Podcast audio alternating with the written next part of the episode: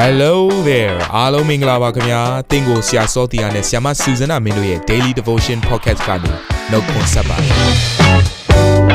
ဆရာနဲ့ဆ iam တို့ရဲ့အသက်တာမှာဘုရားရှင်ပြုတဲ့ကောင်းကြီးမင်္ဂလာများစွာရှိပါတယ်အဲ့ဒီအထက်ကပြန်လဲစီးဆင်းတဲ့နှုတ်ကပတ်တော်ကိုဒီနေ့မှနားထောင်ပြီးခွန်အားယူကြမှာဖြစ်ပါတယ်နေ့စဉ်10မိနစ်လောက်အချိန်ပေးပြီးမိမိရဲ့အသက်တာကိုကောင်းကြီးဖြစ်စေမယ်ဘုရားသခင်ရဲ့နှုတ်ကပတ်တော်နဲ့နီးလန်းတွေကိုအတူတကွခံယူကြရအောင်ခင်ဗျာ ရှယ်ရမိသားစုဝင်များဒီကနေ့မှာကျမတို့ဆက်လက်ပြီးတော့လေ့လာသင်ယူရမယ့်အရာကတော့ထိုးတွင်းခြင်းတရားလို့ခေါ်တဲ့ဝိညာဉ်တော်ဘုရားရဲ့စုကျေးဇူးအကြောင်းကိုဆက်လက်ပြီးတော့အဲခွန်အားယူကြမှာဖြစ်တယ်အဲ့တော့ထိုးတွင်းခြင်းတရားကဘာနဲ့တူတယ်လဲဆိုရင်လက်နဲ့နဲ့တူတယ်ဆိုတော့မနေ့ကတော့ထိုးကဲ့သို့သောအအကြောင်းအရာနဲ့ပတ်သက်ပြီးကျမပုံဥပမာပေးခဲ့တာရှိပါတယ်ပစိန်ရဲ့နော်ပြီးရင်ပစိန်ကိုအသုံးမပြုခင်သွေးရတယ်ဆိုတဲ့အရာနဲ့ရှင်တွဲပြီးတော့ပြောခဲ့ပါတယ် ဆိုတော့ပစိန်ကတော့ထိုးရင်းချင်းတရားကိုပြောနေခြင်းဖြစ်တယ်။သို့တော့ပစိန်ကိုမသုံးခင်သွေးရတယ်ဆိုတဲ့အရာကတော့ပညာတရားကိုပြောနေခြင်းပါ။အဲ့တော့ပညာတရားနဲ့ထိုးရင်းချင်းတရားကခွဲထားလို့ရတဲ့အရာမဟုတ်ဘူး။တွဲပြီးတော့အသုံးပြုရတဲ့အရာဖြစ်ပါတယ်။ဆိုတော့ဒီထိုးရင်းချင်းတရားနဲ့ပတ်သက်ပြီးတော့မရှင်းပြခင်ကျွန်မတုတ်တန်ကြံအခန်းကြီး15အခန်းငယ်2ကိုအနည်းငယ်လေးဖတ်ချင်တယ်။ ပညာရှိသောသူ၏ရှာသည်ပညာအတက်ကိုတင့်တယ်စေတတ်၏မိုက်သောသူတို့၏နှုတ်မူကမိုက်သောအရာကိုတွန်းလောင်းတတ်၏အဲ့တော့ဒီနေရာမှာလည်းပညာနဲ့ထိုးရင်းချင်းတရားနှစ်ခုကိုရှင်တွဲပြီးတော့ဖော်ပြထားတယ်အဲ့တော့ပညာဆိုတဲ့အရာကတော့ဒီမှာအာ the wise ပေါ့နော်ပညာရှိသောသူဆိုပြီးတော့ပြောထားပြီးတော့မှပညာအတက်ကတော့ဒီထိုးရင်းချင်းတရားကိုပြောနေခြင်းဖြစ်ပါတယ် ဆိုတော့လူတွေရဲ့အသက်တာထဲမှာဘလောက်ပဲเนาะထိုးရင်းချင်းတရားနဲ့ဆိုင်တဲ့အတက်တွေကျမတို့အသက်တာထဲမှာရှိနေပါစေထိုးအရာကိုနေရာမှန်မချတတ်ဘူးမပြောတတ်ဘူးမသုံးတတ်ဘူးဆိုရင်မိုက်တော်သူပဲဖြစ်နေပါလိမ့်မယ်ဒါကြောင့်မလို့ကျမတို့ရဲ့အသက်တာထဲမှာထိုးထွင်းခြင်းတရား ရလာရင်လေကျမတို့ပညာတရားနဲ့ရှင်တွဲပြီးတော့အမြဲတမ်းအသုံးပြုတတ်ဖွင့်အတွက်အရေးကြီးပါတယ်အဲ့တော့ပညာတရားကတော့ကျမတို့ရဲ့အသက်တာထဲမှာပြောဆိုလိုက်တဲ့အရာပြုမှုလိုက်တဲ့အရာတွေကိုတင့်တယ်သွားစေတယ်လှပသွားစေတယ်သို့တော့ထိုးရင်းချင်းတရားကကြတော့သူကထူးခြားပါတယ်ကျမတို့ရဲ့အသက်တာထဲမှာအခုနတော့တကယ်ကိုလက်နဲ့တစ်ခုပေးလိုက်သလိုပဲစစ်တရေကဲ့သို့ကိုကျမတို့ရဲ့အသက်တာဟာဖြစ်သွားစေတယ်တစ်ဖက်မှာရှိတဲ့ရန်သူကိုကြောက်လန့်သွားစေတဲ့အသက်တာကြီး ဖြစ်သွားတယ်။ဘာဖြစ်လို့လဲဆိုတော့အဲ့ထိုးရင်းချင်းတရားကတစ်ဖက်မှာရှိနေတဲ့အရာတွေရဲ့အသေးစိတ်ကိုသူကဖော်ပြနိုင်တဲ့အရာတစ်ခုလည်းဖြစ်တယ်။ရှောလမုန်ခန်းကြီး6ခန်းငယ်30ထဲမှာဒီလိုဖော်ပြထားပါတယ်။လာကဲ့သို့တင့်တယ်လျက်နေကဲ့သို့ထုံးလန်းလျက်စစ်မျက်နာကဲ့သို့ကြောက်မဖွယ်ဖြစ်လျက်နည်းနည်းကဲ့သို့ရှုမြော်သောသူတို့သမီးကအဘယ်သူနည်းတဲ့ယုံကြည်သူတွေရဲ့အသက်တာကိုသူတို့သမီးလို့ဒီရှောလမုန်တခြင်းထဲမှာခိုင်းနှိုင်းထားပါတယ်သူတို့သမီးရဲ့အသက်တာဟာ တင့်တယ်ယုံနဲ့မလုံလောက်ပါဘူးတဲ့တစ်ဖက်မှာလည်းသူတို့သမီးရဲ့မျက်နှာဟာရန်သူတွေရဲ့အရှိမကြောက်မက်ဖွယ်ကောင်းတဲ့စစ်တရေကဲ့သို့ဖြစ်နေရမယ်တဲ့အဲ့တော့ကျမတို့ရဲ့အသက်တာထဲမှာတင့်တယ်ခြင်းဆိုတဲ့ပညာရှိုံနဲ့လည်းမလုံလောက်သေးပါဘူးတစ်ဖက်မှာဒီထိုးတွင်းခြင်းတရားလို့ခေါ်တဲ့ကြောက်မက်ဖွယ်ကောင်းတဲ့ရန်သူကိုစန့်ကျင်နိုင်တဲ့အောင်မြင်နိုင်တဲ့ထိုစုကျေးဇူးလည်း လိုအပ်နေပါသေးတယ်။ဒါကြောင့်မလို့တောင်းမယ်ဆိုရင်ဘုရားရဲ့အရှိမထိုစုကျေးဇူးနှစ်ခုစလုံးကိုရှင်တွဲပြီးတော့တောင်းတဖို့ရန်အတွက်လည်းအရေးကြီးပါတယ်။အဲ့ဒီတော့ဒီမှာစုကျေးဇူးနဲ့ပတ်သက်ပြီးတော့ဒီထိုးရင်းခြင်းတရားနဲ့ပတ်သက်ပြီးတော့သူ့ရဲ့ပြောပြထားတဲ့အဖြစ်အပျက်ကလေးတစ်ခုကိုကျွန်မရှင်းပြခြင်းပါတယ်။เนาะဒီထိုးရင်းခြင်းတရားအပြင်ဘလို့ကဲ့သို့အမှုတော်စောင့်နိုင်သွားတယ်လေဆိုတဲ့အကြောင်းအရာနဲ့ပတ်သက်ပြီးတော့တမန်တော်ဝတ္ထုအခန်းကြီး၄အခန်းငယ်34ရာနေအဲကျွန်တော်တို့35ကို ကျွန်မဖတ်ချင်တယ်အဲဘသူအကြောင်းအရာကိုပြောထားလဲဆိုရင်အာနနိနဲ့ရှဖိရဲ့အကြောင်းအရာကိုပြောထားပါတယ်ဒါလေးကိုကျွန်မဖတ်ချင်တယ်ထိုသူတို့တွင်ဆင်းရဲသောသူတယောက်မျှမရှိအကြောင်းမူကားအိမ်မြေကွက်ကိုပိုင်သောသူရှိသမျှတို့သည်ရောင်းပြီးလင်ရသောအဖို့ကိုယူဆောင်ခဲ့၍တမန်တော်တို့၏ခြေရင်း၌ထားသဖြင့်လူများဆင်းရဲသည့်အတိုင်းအသီးသီးတို့အားဝေငှပေးကမ်းကြ၏တမန်တော်ဝတ္ထုထဲမှာရှိတဲ့ယုံကြည်သူတယောက်ချင်းစီတိုင်းဟာတယောက်ကိုတယောက်ကူညီပေးနိုင်ဖို့ရန်အတွက်ဆင်းရဲသောသူတယောက်မျှမရှိရလေအောင်ချမ်းသာကြွယ်ဝသောသူတွေကသူတို့မှာရှိနေတဲ့ဥစ္စာပစ္စည်းတွေသူတို့ရဲ့ပိုင်ဆိုင်မှုတွေအားလုံးကိုရောင်းချပြီးတော့မှတမန်တော်ရဲ့ခြေရင်းကိုယူဆောင်လာတယ်အဲ့လိုယူဆောင်လာပြီးတဲ့အခါမှာတမန်တော်တွေကလည်းဆင်းရဲသောသူတွေကိုပြန်လည်ပြီးတော့ခံစားစေဖို့ရန်အတွက်ကောင်းကြီးဖြစ်စေဖို့ရန်အတွက်အညီအမျှခွဲဝေပေးရဆိုတဲ့အရာကိုလှုပ်ဆောင်ကြပါတယ်အဲ့ဒီအချိန်မှာအခုနကျွန်မပြောခဲ့တဲ့အာနနိနဲ့ရှဖိရဲ့အဖြစ်အပျက်ကိုတွေ့ရတယ်တမန်တော်ဝတ္ထုအခန်းကြီး9အခန်းငယ်1ကနေ7မှာတွေ့ရပါတယ် တို့ရတွင်အာနနိနှင့်ရှဖိရဲ့အမိရှိသောလင်မယားနှစ်ယောက်တို့မူကားဥစ္စာတစုံတစ်ခုကိုရောင်းပြီးလျင်ထိုသူသည်မိမိခင်ပွန်းနှင့်သဘောတူလျက်အဖိုး၏တဖို့ကိုထိန်ဝက်သဖြင့်တဖို့ကိုသာယူဆောင်ခဲ့၍တမန်တော်တို့၏ခြေရင်း၌ထားလေ၏ပေတရုကလည်းအာနနိသင်သည်တန်ရှင်းသောဝိညာဉ်တော်ကိုလှည့်စား၍မြေကိုရောင်းသောအဖိုး၏တဖို့ကိုထိန်ဝက်မိအကြောင်းစာရန်သည်သင်၏စိတ်နှလုံးကိုအဘဲကြောင့်ပြည့်စေရသည်။ ထိုမြေရှိစဉ်တွင်ကိုပိုင်သည်မဟုတ်လောရောင်းရရသောအဖိုးသည်ကိုဥစ္စာဖြစ်သည်မဟုတ်လောအဘဲကြောင့်ဤသို့ကြံစီသည်။လူကိုယ်သာမှုသာပြောပြီးမဟုတ်ဖျားသခင်ကိုလည်းမှုသာပြောပြီးဟုပေတရုဆို၏ထိုစကားကိုကြားလျင်အာနနိသည်လဲ၍သိ၏ထိုအကြောင်းအရာကိုကြားသောသူအပေါင်းတို့သည်အလွန်ကြောက်လန့်ခြင်းသို့ရောက်ကြ၏လူလင်တို့သည်လည်းထား၍ထိုအလောင်းကောင်ကိုအဝတ်နှင့်ပက်ရစ်ပြီးလျင်ဆောင်းသွား၍တကြိုကြ၏ ထို့နောက်၃နိုင်ခန့်လောက်ကြာလျင်သူ၏ခင်မွန်းသည်ဖြစ်ခဲ့ပြီးသောအမှုရာကိုမသိဘဲလျက်ဝင်လာ၏ပေတရုကလည်းဤမြလျောက်နှင့်မြေကိုရောင်းသလောငါအားပြောလို့ဟုမေးလျင်ထိုမိမကဟုတ်ပါ၏ဤမြလောက်နှင့်ပင်ရောင်းပါသည်ဟုဆို၏ပေတရုကလည်းထာဝရဘုရား၏ဝိညာဉ်တော်ကိုစုံစမ်းမိဟုသဘောတူနှင့်အဘဲကြောင့်ကြံစီကြသည်။ကြည့်ရှုလော့သင်၏ခင်မွန်းကိုတကြိုသောသူတို့၏ခြေသည် တကားနားမှရှိသည်ဖြစ်၍တင့်ကိုလည်းဆောင်းသွားလေဦးမည်ဟုဆိုသောခဏချင်းတွင်ထိုမိမသည်ပေတရု၏ခြေရင်း၌လဲ၍သေလေ၏လူလင်တို့သည်လည်းဝင်၍ထိုမိမသေသည်ကိုတွေ့လျင်ဆောင်းသွား၍သူ၏ခင်မွန်အနားမှာတကြိုကြ၏တင်းဝင်သူအပေါင်းမှစပြီးထိုအကြောင်းအရာကိုကြားရသောသူအပေါင်းတို့သည်အလွန်ကြောက်လန့်ခြင်းသို့ရောက်ကြ၏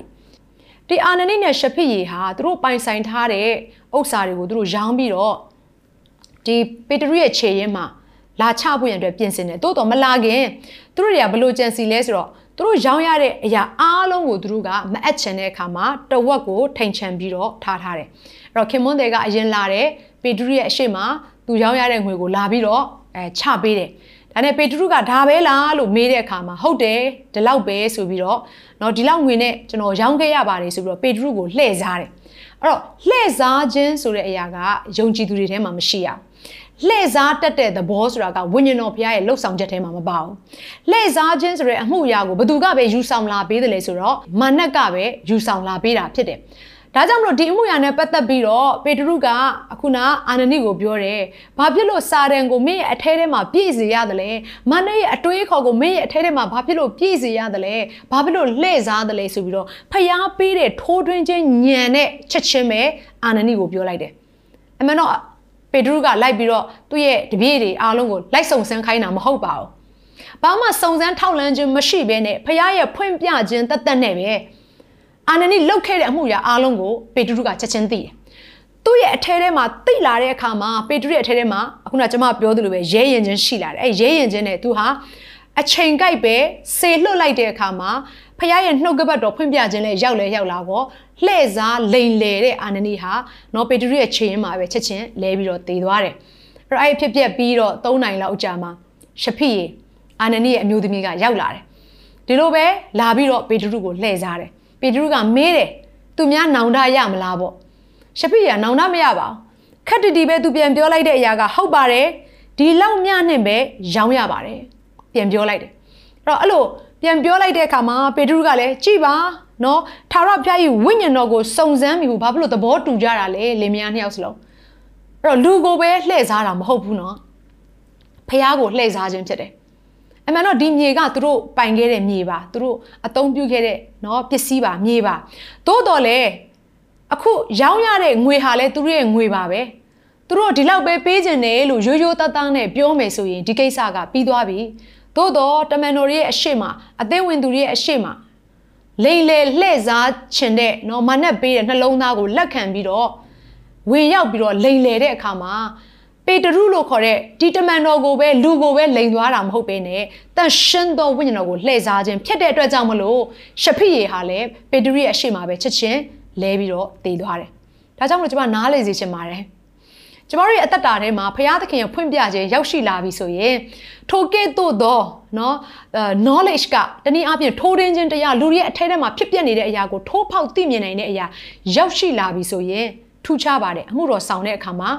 နော်တကယ့်ကိုလူအားလုံးကိုဘုရားသခင်ရဲ့တန့်ရှင်းခြင်းတွေကိုခေါ်ဆောင်သွားနိုင်တဲ့နော်အမှုရာဖြစ်လာပါတယ်မဟုတ်ဘူးဆိုရင်ကျွန်တော်တို့အသက်တာထဲမှာလူတွေရဲ့အကြိုက်ကိုလိုက်ဆောင်တဲ့အမှုဆောင်ခြင်းပဲဖြစ်သွားတတ်တယ်ဒါကြောင့်မလို့ကျွန်တော်တို့ ဖះရဲ့နှစ်သက်တဲ့အရာဝိညာဉ်တော်ဖះရဲ့အလေအလာတွေကိုအသင်းတော်ထဲမှာတော်လကောင်ကိုယ့်ရဲ့မိသားစုတွေထဲမှာတော်လကောင်ဖော်ပြနိုင်ဖို့ရန်အတွက်ထိုးတင်ခြင်းတရားရှိဖို့ရန်အတွက်လိုအပ်ပါတယ်မဟုတ်ရင်လှည့်စားခြင်းကိုအမြဲတမ်းခံနေရတဲ့ယုံကြည်သူတယောက်ပဲဖြစ်နေပါလိမ့်မယ်။နော်တချို့တွေဆိုရင်ယုံကြည်သူတွေအသက်တာထဲမှာသူတို့သေခံကြတဲ့အရာတွေရှိပါတယ်။ကျမတို့ကတော့ငွေကြေးလှည့်စားလိုက်ခံရပြန်ပြီ။ဒါမှမဟုတ်ကျမတို့ရဲ့ဥစ္စာပစ္စည်းလည်းလှည့်စားခံရပြန်ပြီ။ကျမတို့အသက်တာထဲမှာဟိုလူကလိန်သွားပြန်ပြီ။ဒီလူကလိန်သွားပြန်ပြီ။အသက်တာထဲမှာ နော်ရရှိထားတဲ့ကောင်းကြီးမင်္ဂလာကြီးလည်းခဏခဏလှည့်စားခြင်းအပြင်ကုံဆုံးသွားတယ်ဆိုတဲ့အရာတွေကြားဘူးကြမှာပါ။ထိုအရာကဘယ်အရာကင်းမဲ့နေတယ်ဆိုတော့ကျမတို့အသက်တာထဲမှာထိုးထွင်းခြင်းတရားထိုးထွင်းခြင်းဉာဏ်ကင်းမဲ့နေခြင်းကြောင့်သာထိုကဲ့သို့ဆုံးရှုံးနေရခြင်းဖြစ်တယ်။ဒီနေ့ထိုကဲ့သို့မဆုံးရှုံးဖို့ရန်အတွက်ဖခင်ရဲ့ဝိညာဉ်တော်ရှေ့မှာတောင်းခံမှာဝိညာဉ်တော်ဖခင် ထိုးထွင်းခြင်းတရားကိုနော်ထိုးထွင်းခြင်းညံကိုကျွန်တော်ကျမလိုအပ်ပါတယ်ကျွန်တော်ရဲ့မိသားစုလိုအပ်ပါတယ်အမြဲတမ်းဆုံးရှုံးတဲ့အသက်တာမဖြစ်ဖို့ရန်အတွက်မနဲ့ရဲ့လှည့်စားခြင်းတွေမှာအမြဲတမ်းမပါသွားဖို့ရန်အတွက်ထိုးထွင်းခြင်းတရားကိုပေးပါလို့တင်ဆုတောင်းရင်ဒီနေ့ပေးဖို့ရန်အတွက်တန်ရှင်သောဝိညာဉ်တော်ဘုရားကစောင့်ကြိုနေပါတယ်သင်ရရှိမှာဖြစ်တယ်အဲ့တော့အဲ့ထိုးထွင်းခြင်းတရားအပြင်ပဲဘာဖြစ်သွားသလဲဆိုရင်ယုံကြည်သူအသင်းဝင်တဲ့သူအပေါင်းဟာတဲ့အလွန်ကြောက်လန့်ခြင်းတို့ရောက်သွားတယ်တဲ့။ဘာကိုကြောက်လန့်တာလဲ။ဖခင်ရဲ့တန်ရှင်းသောဝိညာဉ်တော်ရဲ့အရှိမ တန်ရှင်းခြင်းနဲ့အသက်ရှင်ရမယ်လိန်လေလှည့်စားခြင်းကင်းရမယ်ဆိုတဲ့ကြောက်ရွံ့ခြင်းကရောက်ရှိသွားစေတယ်အပြစ်ကိုတော့လှုပ်ဖို့ရန်အတွက်ကြောက်လန့်သွားစေတယ်ဒါကြောင့်မို့အရန်အရေးကြီးပါတယ်ဒီနေ့ယုံကြည်သူတယောက်ဖြစ်တဲ့အခါမှာတင့်ရဲ့တတ်တာဟာနော်ပညာနဲ့ပဲတင့်တယ်နေတာမဟုတ်ဘဲနဲ့ထိုကဲ့သို့သောထိုးရင်းခြင်းတရားအပြင်ယံသူရဲ့အရှိမကြောက်မက်ဖွယ်ကောင်းတဲ့စစ်မျက်နှာကဲ့သို့ဟာလေလုယာဒီနေ့ဖရာသခင်ရဲ့နှုတ်ကပတ်တော်နဲ့ဆေလွတ်နိုင်တဲ့သူတယောက် ဖြစ်လာစေဖို့ရန်အတွက်ဒီနေ့ထိုထိုးရင်းချင်းတရားကတင့်ကိုခေါ်ဆောင်ပေးသွားနိုင်ပါတယ်။ဒါကြောင့်မလို့အသက်တာထဲမှာကိုတော်ဘုရားကျွန်တော်ဟာထိုးရင်းချင်းတရားကိုလိုအပ်နေပါတယ်။နောက်ဆုံးသောကာလမှာလှည့်စားတတ်တဲ့လူအမျိုးမျိုးကိုဘုရားရဲ့တန်ရှင်းခြင်းထဲကိုခေါ်ဆောင်သွားနိုင်ဖို့ရန်အတွက်ကျွန်တော်ကိုထိုးရင်းချင်းတရားပေးပါလို့ဒီနေ့သင်ဆုတောင်းဖို့ရန်အတွက်ကျွန်မအားပေးလိုပါတယ်။အတူတူကအသက်တာအသီးသီးကိုစက္ကန့်အနှံပြီးတော့ဆုတောင်းကြပါစို့။ အသက်ရှင်သောဖရာကောင်းမြတ်သောဖရာဒီနေ့ကိုရရဲ့အရှိမသားသမီးတို့အသီးသီးနှိမ့်ချတဲ့နှလုံးသားနဲ့တိုးဝင်ပါတယ်သားသမီးတို့ဝန်ခံပါတယ်တခါတလေတောင်းလို့အသက်တာထဲမှာညံမဲ့တော်သူတွေဖြစ်ကြပါတယ် ထိုးထွင်းခြင်းတရားမရှိကြပါဘူးကိုတော့ဒါကြောင့်မလို့အခါခါဆုံးရှုံးရပါတယ်အခါခါလဲပြိုရပါတယ်ဒီနေ့မှာတော့နှုတ်ကပတ်တော်ကိုသိပြီးတဲ့အခါမှာထိုနှုတ်ကပတ်တော်ရဲ့တကိုးတော်အသက်တာထဲမှာတက်ရောက်လာဘူးရန်အတွက်ထိုးထွင်းခြင်းတရားကိုတောင်းခံပါတယ်ကိုတော့ပေးတော်မူပါ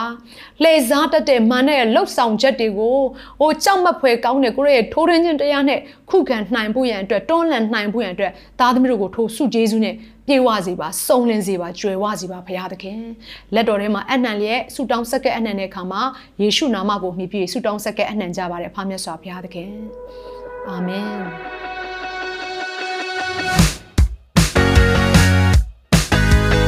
နာတော်တာစင်သူတိုင်းရဲ့အသက်တာမှာကောင်းကြီးဖြစ်မယ်ဆိုတာကိုကျွန်တော်ယုံကြည်ပါတယ်။သင်ရဲ့အသက်တာအတွက်များစွာသော resource တွေနဲ့ update တွေကို Facebook နဲ့ YouTube platform တွေမှာလည်းကျွန်တော်တို့ပြင်ဆင်ထားပါတယ်။ Facebook နဲ့ YouTube တွေမှာဆိုရင် search box ထဲမှာစုစွမ်းနာမင်းလို့ရိုက်ထည့်လိုက်တဲ့အခါအပြရန်အမှန်ချစ်ထားတဲ့ Facebook page နဲ့ YouTube channel ကိုတွေ့ရှိမှာဖြစ်ပါတယ်။နှုတ်ကပတ်တော်တွေကိုဗီဒီယိုအားဖြင့်လည်းခွန်အားယူနိုင်ဖို့ရန်အတွက်အစင်သစ်ပြင်ဆင်ထားပါတယ်။ကျွန်တော်တို့ဝิญဉ်ရေးရာအတွက်အထူးလိုအပ်တဲ့ဖွင့်ပြခြင်းတွေနဲ့ခွန်အားတွေကိုရယူလိုက်ပါ။နောက်ရက်များမှာပြန်ဆုံတွေ့ကြရအောင်ခင်ဗျာ